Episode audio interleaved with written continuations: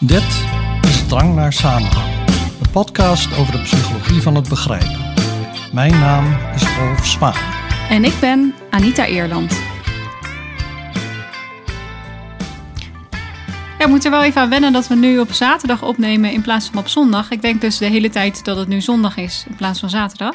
Het is gek Mhm. hoe dat werkt eigenlijk. Maar dat doen we, opnemen op zaterdag, omdat we morgen natuurlijk voetbal willen kijken. Ja, Ben je al een beetje zenuwachtig?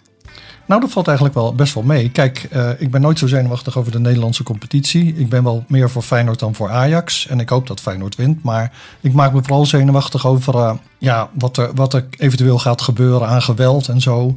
Want ik snap nooit waarom die Feyenoord supporters altijd zo kinderachtig zijn. En eh, dat is ook een reden dat ik iets minder enthousiast ben over Feyenoord dan over jij. Die supporters maken het voor mij onmogelijk om, ja, om er veel plezier aan te beleven. Want ik weet nu alweer dat het uit de hand gaat lopen.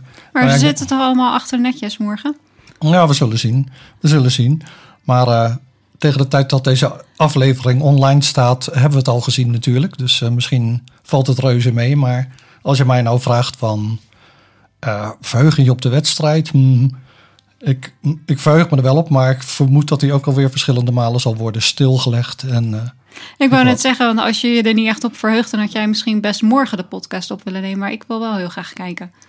ja, nou ja, en dan doen we dat natuurlijk. We willen jou ter wille zijn, Ja, goed onze zo. co-host. Ehm, Anders moet je het in je eentje doen. Dat is ook Ja. niet zo gezellig, hè? En nog iets waar jij enthousiaster over bent dan ik, is Wie is de Mol? En daar is vanavond, vanavond een aflevering van. Ja, dat is wel goed dat je dat zegt. Want ik moet nog eh, mijn punten inzetten voor eh, de pools waarin ik zit. Ja, En eh, dat zal ik meteen eh, even gaan doen als we deze aflevering hebben opgenomen. Want als ik het vergeet, dan eh leg ik meteen onderaan. Ja, Net zoals nee, met een voetbalpool. ja, dat mag niet En gebeuren. dan kan ik hem nooit meer inhalen dan. Dat mag niet gebeuren. Maar voor, voor het zover is, moeten we het natuurlijk nog wel hebben over de vraag: zijn complotdenkers paranoïde? hè? Want daar gaat deze aflevering over. Dat was een lekker smooth bruggetje. Ja, Oké, ja. Ja, nou ja. En ehm, we hebben het al eerder gehad in de podcast over complotverhalen. En we zullen het er nog wel vaker over hebben natuurlijk. Ehm, een aflevering waar we- waarin we voor het eerst over complotverhalen spraken. Echt uitgebreid was aflevering 9. En die heet ook complotverhalen. En daarin leggen we ook uit waarom we het hebben over verhalen en niet theorieën. ja. En dan hadden we ook aflevering 18. Waarin we complotdenken afzetten tegen kritisch denken. ja. En dan is er nog een aflevering die heet eh, Mama Appelsap en nog wat dingen. Dobbelstenen met een geheugen of zo. Hebben we het Aflevering daarin over... eh, 8. Daarin hebben we het over apofenie en dat is betrekkingswaan. Ah, dat ja. mensen dus van alles op zichzelf betrekken. En dat heeft duidelijk ook te maken met paranoia natuurlijk. Dus daar, eh, die aflevering is ook nog wel relevant. Ja. ja, en we hebben dus eerder gehad over complotdenken versus kritisch denken. En nu gaan we eigenlijk eh, geloof in eh, complotverhalen vergelijken met eh, paranoïde gedachten. Mhm. Ehm, want over mensen die in complotverhalen geloven, wordt soms gezegd dat ze paranoïde zijn. Nu is dat sowieso een term die mensen, die, die leken, zeg maar, heel makkelijk Ja. gebruiken zonder echt precies te weten wat ze daar dan mee zeggen. En ehm, op zich is het ook wel logisch dat die twee eh, vaak samen worden genoemd. Hè? Dus, dus dat, dat er een relatie lijkt te zijn tussen mensen die in complotverhalen geloven en het hebben van paranoïde Mhm. eh, gedachten. Want paranoïde gedachten lijken soms ook wel op een beetje complotachtige verhalen. Dus die twee eh, begrippen die worden heel vaak samen genoemd. En vandaag gaan we het hebben over ja, hoe dat eigenlijk komt. Ehm, en waarom eh, geloven in complotverhalen en het hebben van paranoïde gedachten toch echt wel twee verschillende dingen zijn. Ook al worden ze dus vaak samen genoemd. Ja, nou ja, en om dan te beginnen is het misschien goed om nog een keer te zeggen wat dan complotdenken is. Dus complotdenken is dat je denkt dat er een samenzwering is van een kleine machtige groep mensen die het gemunt heeft op de eh, gewone burger. En allerlei dingen die dan gebeuren in de maatschappij, die probeert te koppelen aan het doel dat die kleine groep heeft om de grote massa kwaad te berokkenen. En eh, ja, dan vraag je je af waarom eh, geloven mensen eigenlijk in complotverhalen. Ja, Nou, vind ik nog je- steeds fascinerend. Ja, nou dan zou je natuurlijk naar aflevering 9 kunnen luisteren. Want daarin hebben we dat uitgelegd. Maar ik zal het even herhalen nog. Er, zijn, er worden in de psychologie verschillende motieven onderscheiden waarom mensen geloven in complotverhalen. En de eerste categorie motieven worden epistemische motieven genoemd. We willen de wereld om ons heen begrijpen. Nou, daar gaat ook het boek Drang naar Samenhang over in deze podcast. Maar vaak is de, eh, de wereld natuurlijk heel complex. Ja, En wat een complotverhaal doet, is het biedt een simpele verklaring voor gebeurtenissen in de wereld om ons heen. En daarmee bevredigt die eh, verklaring ook onze nieuwsgierigheid. Daarnaast zijn er dan ex- existentiële motieven. We voelen ons onzeker als we iets niet begrijpen. En eh, dat is natuurlijk logisch, hè, dat gevoel van onzekerheid. Maar als je dan een complotverhaal hebt, dat dus allerlei eh, verbanden legt, dan eh, voel je je iets meer zeker. En dan voel je dat je een soort enigszins enige mate van controle hebt over je leven. Ja, je begrijpt ineens waarom dingen gebeuren. Je hebt er een verklaring voor, Ja. laten we zo zeggen. Dus je denkt te begrijpen waarom bepaalde dingen gebeuren. En Ja. dat maakt je minder onzeker. Ja, inderdaad. En dan is de derde categorie, dat zijn sociale motieven. Want als je namelijk een bepaald complotverhaal aanhangt, laten we zeggen de aarde is plat, dan hoor je bij een bepaalde groep gelijkgestemden. En we vinden het fijn om bij groepen te horen. Het geeft een gevoel van verbondenheid. Je hoort nu bij die groep van mensen die allemaal geloven dat de aarde plat is. En, daar, en dat geeft ook een gevoel van superioriteit. Van, eh, kijk, ons eens even meer weten dan al die domme natuurkundigen. Wij weten maar, wel mooi, maar mooi dat de aarde plat is. Ja, dus, dus die drie motieven eh, kom je het meeste tegen in de literatuur. Ja, volgens mij hadden we in aflevering 9 over complotverhalen ook nog een vierde motief. Eh, Dat was jij genoemd. Ehm, en dat is namelijk dat complotverhalen ook onderhoudend zijn. En dat ze dus amusementswaarde hebben. Dat dat Ja. ook een reden is voor mensen om eh, in complotverhalen te geloven. Ja, en eigenlijk zeg ik zoiets ook in het boek. eh, Drang naar samenhang wanneer ik het heb over de, het verhaal dat Paul McCartney dood zou zijn. Ja, dat is een leuk verhaal om te vertellen op feestjes. Van kijk, je kan dat zien aan de hoes van Abbey Road en aan het, de nummerplaat van de auto en zo nog wat dingen. Dat is leuk om te vertellen. Ja, nou ja, het wordt dan een beetje zoeken naar eh, bewijzen daarvoor Ja. of zo. Eh, ik weet Ja. ook dat mensen het dan leuk vinden om eh, bepaalde stukjes muziek achterstevoren te draaien. En er zitten dan geheime boodschappen in. Daar, daarmee Ja. wordt het eigenlijk een soort, ehm, nou niet echt een detective, maar wel een soort speurtocht of zo. Een, eh, een, haast een soort spel. Ja, Oké, maar nu hebben we dus gekeken naar wat eh, complotverhalen eigenlijk zijn en, wa- en wat dan redenen zijn voor mensen om in complotverhalen te geloven. Nu wilden we het geloof in complotverhalen gaan vergelijken met eh, het hebben van paranoïde gedachten. Dus Ja. laten we dan nu kijken wat dan eh, paranoïde gedachten zijn. Want het woord paranoïde wordt vrij makkelijk en vaak gebruikt, maar eigenlijk ehm, kun je daar verschillende dingen mee bedoelen. Mensen zeggen vaak dat iemand paranoïde is, maar strikt genomen bestaat dat eigenlijk niet. nee. Ehm, je kan wel een paranoïde persoonlijkheidsstoornis hebben.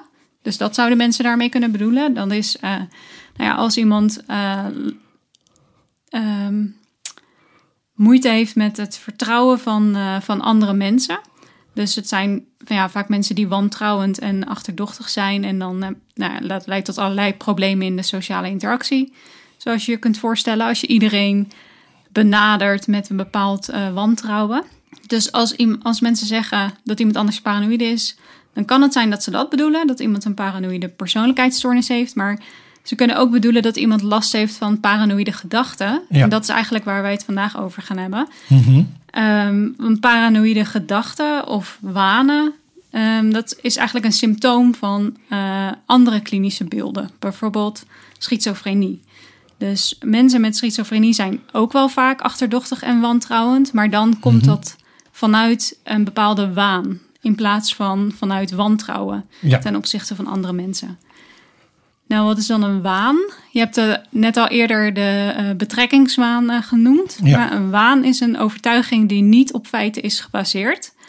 Ehm, en mensen die wanen hebben, die houden heel vaak ook hardnekkig vast Ja. aan die overtuigingen, ook als andere mensen met tegenbewijs komen.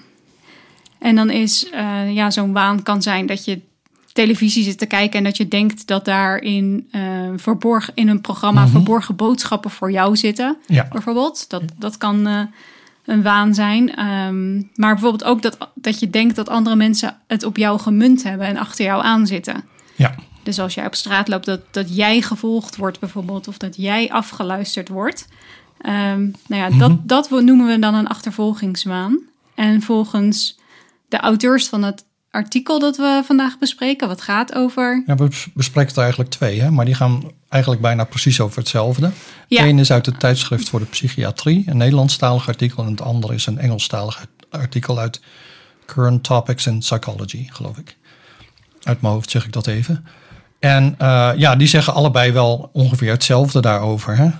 Dat, eh, dat er dus een soort continuum is. En dat, eh, nou ja, dat, wat jij nu beschreef, die ach- achtervolgingswaan, is daarvan het ene uiteinde.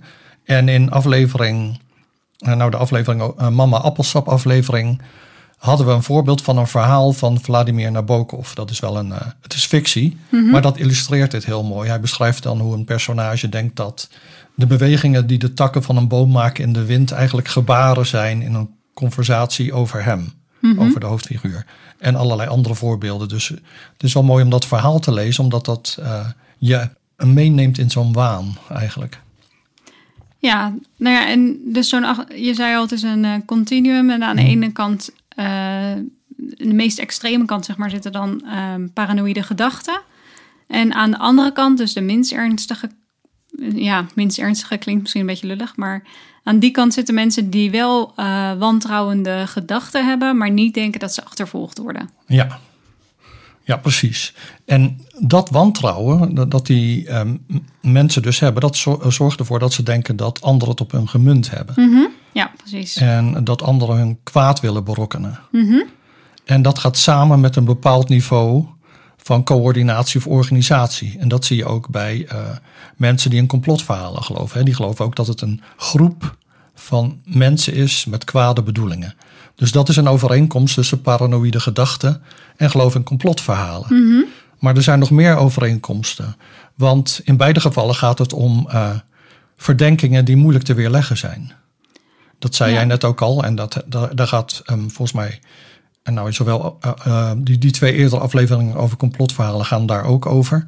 Hè, complotdenkers zien altijd wel weer een manier om wat er gebeurd is toch te, te linken aan het complot. Het zogenaamde complot. Ook als het eigenlijk tegen hun eigen voorspellingen ingaat, dan weten ze er toch wel weer een mouw aan te breien. Ja, en bij mensen met paranoïde eh, gedachten is het, kun je wel als buitenstaander met tegenbewijs komen. Ja, Maar dat gaat er dan toch niet in. Mensen Nee. blijven gewoon vasthouden aan hun eigen ja. eh, ideeën. Ja, dat is dus een overeenkomst. Dus in beide gevallen, complotdenkers en, eh, en mensen met wanen, die, die zijn niet te overtuigen op basis van reden, van logisch bewijs. Ja, nu zijn er voor geloof in complotverhalen en het hebben van paranoïde gedachten ook eh, onderliggende risicofactoren die hetzelfde zijn. Dus er zijn bepaalde factoren die maken dat iemand vatbaarder is voor geloof in complotverhalen. En eh, diezelfde Ja. factor kan ook voor zorgen dat mensen eh, eerder eh, paranoïde gedachten hebben. En een aantal van die factoren zijn meer sociaal eigenlijk. Dus bijvoorbeeld als je opgroeit in negatieve omstandigheden. En dan bedoelen de auteurs bijvoorbeeld als je opgroeit in armoede. Of als je te maken hebt gehad met misbruik in het verleden.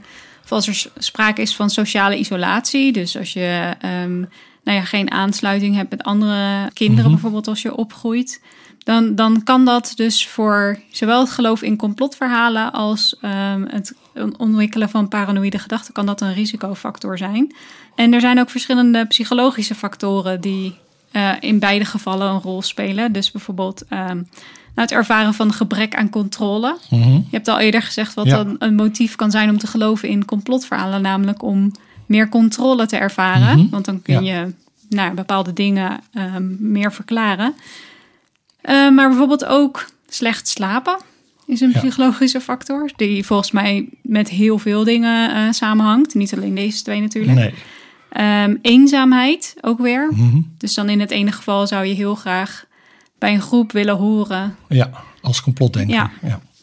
Ehm, en ook eh, nou ja, allerlei andere eh, klinische beelden. Dus bijvoorbeeld het ervaren van angst of eh, depressie. Ja, ja precies. En, en dat zijn dus meer, je zou kunnen zeggen, sociaal-psychologische factoren. Hè. Ze hebben te maken met het individu in een sociale omgeving. Maar er zijn dus ook nog meer puur cognitieve antecedenten. En een ervan is het overhaast trekken van conclusies. Daar heb ik het ook over in het boek Drang naar Samenhang. Daar noem ik dat concludeerdrang. Maar ja. ehm, dat kan dus gemeten worden, hoe overhaast mensen conclusies trekken. Daar is een taak voor ontwikkeld in eh, de jaren 60 en die heet de kralentaak. En de proefpersonen zien leuk. twee, eh, ja, de beads task in het Engels. En ze zien twee potten met verschillende verhoudingen kralen erin. Die potten zijn dan natuurlijk niet van, van glas, het zijn vazen, zeg maar. En eh, de ene pot bevat dan bijvoorbeeld 85% blauwe kralen. En de andere heeft maar 15% blauwe kralen. En dus de rest is dan een andere kleur, rood of zo. Dan wordt er een reeks kralen getrokken. En moet de proefpersoon zeggen uit welke pot ze komen. En dat kunnen ze dan doen naar, naar hoeveel kralen ook ze willen zien. Dus eh, hoe meer kralen jij wil zien, hoe minder jij overhaaste conclusies trekt. Hoe minder kralen jij wil zien, hoe meer overhaast jij conclusies eh, trekt. Maar is, is dan de taak dat er, eh, dus er wordt uitgelegd aan proefpersonen dat zij straks moeten zeggen uit welke pot een bepaalde reeks Ja. komt. En Ja. dan mag ik als proefpersoon eerst zeggen hoeveel kralen ik dan wil, Ja. wil zien. Ja. Ja. Dus dan kan ik zeggen, nou laat me dan, dan maar tien zien of zo. Nou, je kan bijvoorbeeld zeggen, laat me daar één zien. En er zijn, er zijn dus al mensen die op basis, soms op basis van één kraal al zeggen, oh, dat is eh, die pot met 85% blauwe kralen. Ja, dan heb je Ja. toch helemaal niet genoeg informatie Nee. met één eh, kraal. Nee, met één kraal niet. Nou, dan twee, laten we zeggen, de tweede is ook een, een blauwe. Dan gaan al meer mensen zeggen, oh, dat is die. De derde is een blauwe, nog meer. Dan is de vierde een rode. Oh, maar goed, de meerderheid is nog steeds blauw, enzovoort. En je Hoeveel kunt, zou jij er willen zien dan? eh, ja, dat moet ik dan even eh, berekenen. Oh. Ehm, totdat de kans minder groot dan 5% is of zo. Of, of 1% dat ik een fout maak. Dat kun je natuurlijk wel berekenen, maar dat kan ik niet even à la Niet minuut. Maar het was dus Oh. niet zo dat proefpersonen werden beloond als ze minder kralen. Of dat het op... Nee, het ging niet Nou, op je, wordt, je wordt niet beloond. Er Nee. wordt gewoon gekeken van, van wat doe je. Nee, dan- ik zat te denken, is er een an- ander motief voor proefpersonen om dan eh, met zo min, op basis van zo min mogelijk kralen Eh, oh, zoiets dat je eh, beloond wordt voor de snelheid of zo. Ja, bijvoorbeeld. Weet ik nee, niet. nee, daar gaat het niet echt om. Het gaat er dus echt om van, nou, hoeveel denk jij nodig te hebben voor een goede conclusie? En dan blijkt dus dat mensen met een hoge vatbaarheid voor waanvoorstellingen, en net zoals met, met schizofrenie, daar had jij het ook al over, die nemen een beslissing op basis van minder kralen, soms Mhm. zelfs één kraal dus, Ja, dan degene die een lage neiging tot waanvoorstellingen hebben. En hetzelfde wordt een beetje bij complotdenkers gevonden. Ja, dus dat is een, een an- antecedent dan. Hè? Dus je, je denkt heel snel dat je voldoende informatie hebt voor een conclusie. Nou ja, dat zie je natuurlijk heel duidelijk bij complotdenkers. Er gebeuren twee dingen die, waarvan helemaal niet duidelijk is of ze gerelateerd zijn. Maar in het hoofd van de complotdenker zijn ze al meteen onderdeel van de samenzwering. ja, ja, dus het zien van samenhang daar waar die niet, is. Ja, Dat is ook iets wat eh, terugkomt bij geloof in complotverhalen en bij het hebben van eh, Hm. Ja. paranoïde eh, gedachten. Ehm, en dat zien van samenhang waar die niet is, dat kun je dus ook met een soort cognitieve test meten. Mhm. Want eh, er is gevonden in onderzoek dat mensen die in complotverhalen geloven en mensen met paranoïde gedachten, dat die bepaalde afwijkingen laten zien bij een eh, test voor patroonherkenning. Hm, ja. Dus dat is dan een test waarbij mensen ehm, een serie plaatjes te zien krijgen. Ik Ja. weet even niet meer precies wat, eh, hoe die plaatjes eruit zagen. Maar bijvoorbeeld plaatjes met eh, een paar stipjes en streepjes of zo. En dan die plaatjes zijn dus steeds een beetje anders. Op elk plaatje verandert iets. Bijvoorbeeld Oh, het ja, plaatje wordt geroteerd of zo. ja, precies. Ja. En dan na een aantal plaatjes ehm, moet jij zeggen wat het volgende plaatje ja, de- oh ja, wordt. de intelligentietest. Ja, precies. Ja. Dus ehm, nou ja, dat is een test voor patroonherkenning. Je moet uitvinden hoe de plaatjes die je ziet aan elkaar gerelateerd zijn en wat er dan steeds verandert. En dan kun je, als je het patroon weet, kun je voorspellen wat het volgende plaatje wordt. Nou ja, da- daarop zie je dus eh, ander gedrag bij mensen die in complotverhalen geloven en mensen met paranoïde gedachten dan bij ehm, nou ja, mensen die dat niet hebben. Ja, dus dat, dat is ook alweer iets wat ze dan met elkaar gemeen hebben. Ja, precies.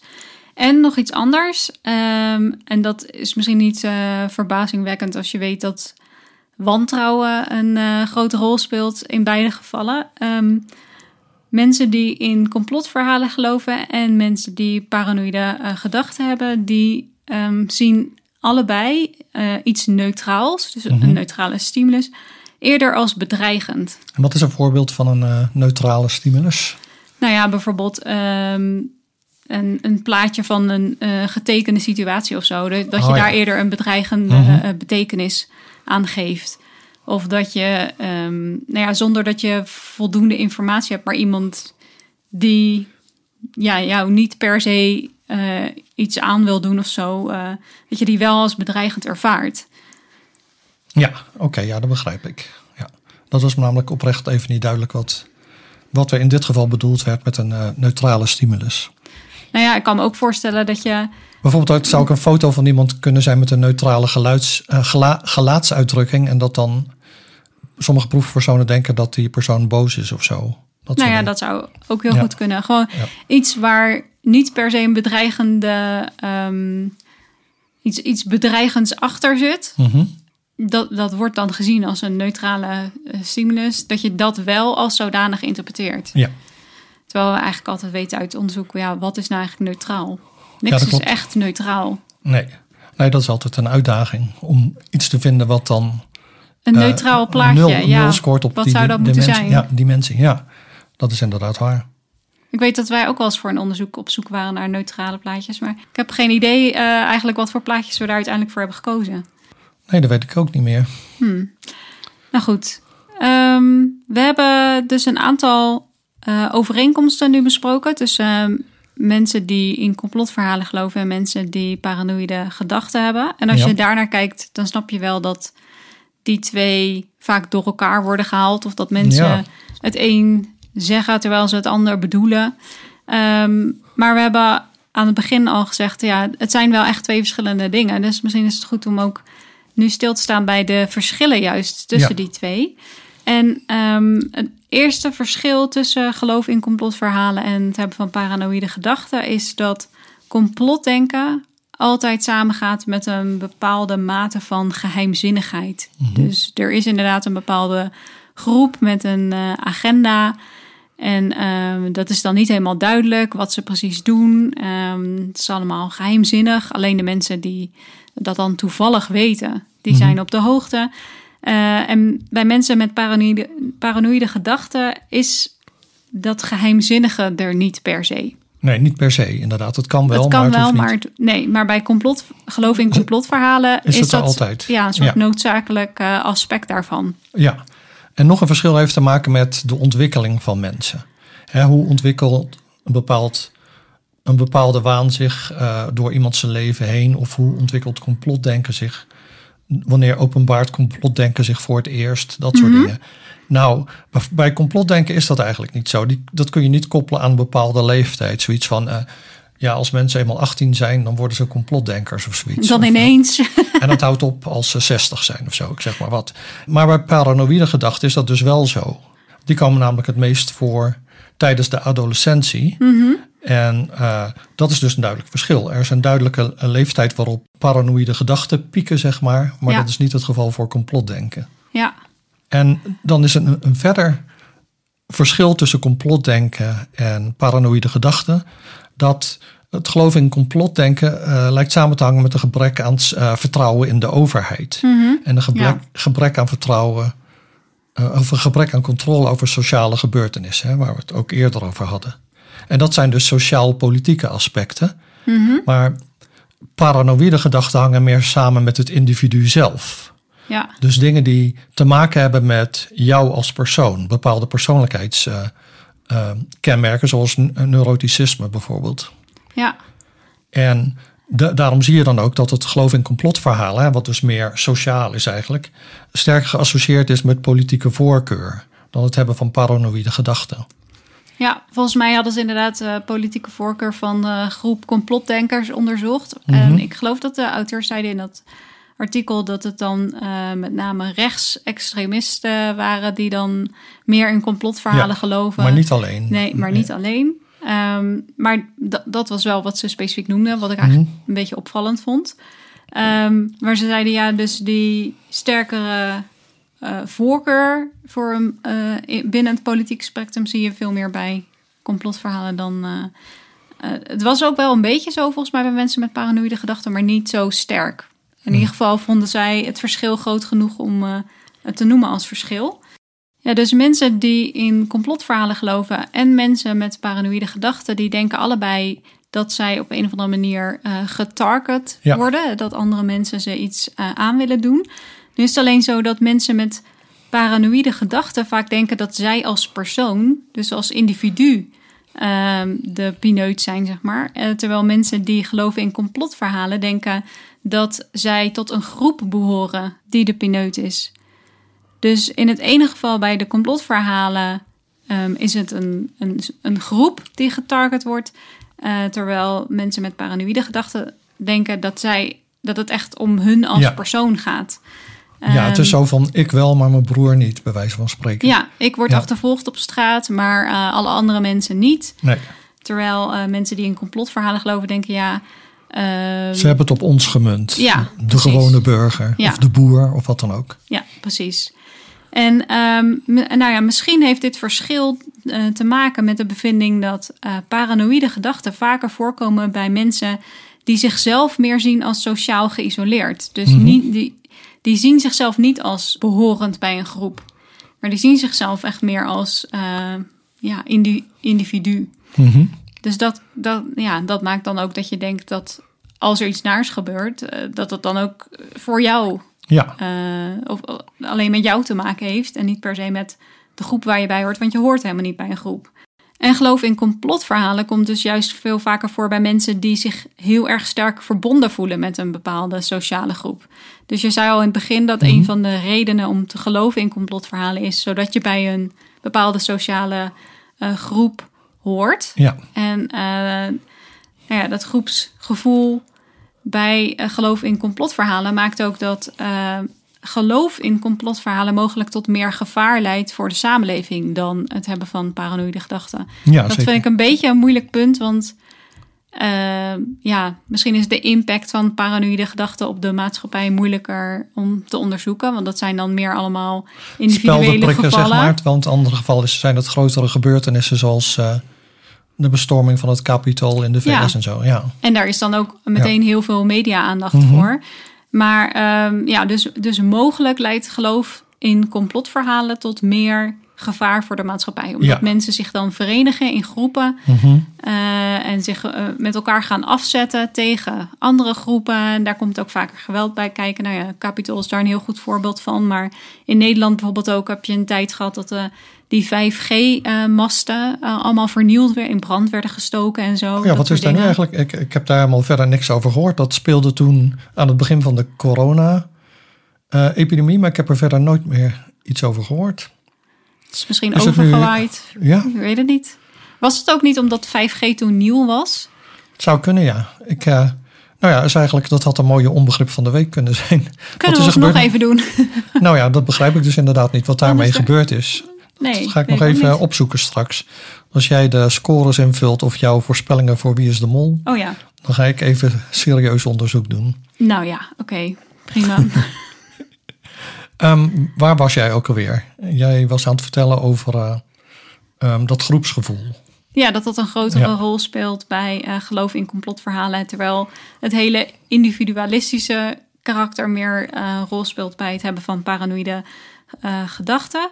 En ehm, dat maakt natuurlijk ook dat als jij paranoïde gedachten hebt en denkt dat bepaalde mensen of misschien één, één Mhm. persoon het op jou gemunt heeft, specifiek op jou als persoon, dat dat eh, meer stress en angst oplevert dan wanneer je denkt, ehm, ik, ik behoor eh, tot een groep en die groep wordt getarget. Ja. Dat kan natuurlijk nog steeds stress en angst opleveren, maar in mindere mate. Dus dat is dan ook een belangrijk verschil eh, tussen die twee.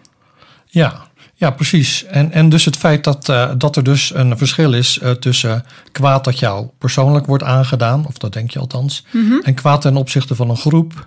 Het verschil daartussen kan zijn een, een, een, laten we zeggen, een andere gevoeligheid hebben voor wat andere mensen geloven. Want paranoïde gedachten worden vaak niet gedeeld door anderen. En dat Nee. kan dan leiden tot eenzaamheid. Terwijl het geloof in complotverhalen, eh, nou, die heeft, dat heeft meer die sociale kant.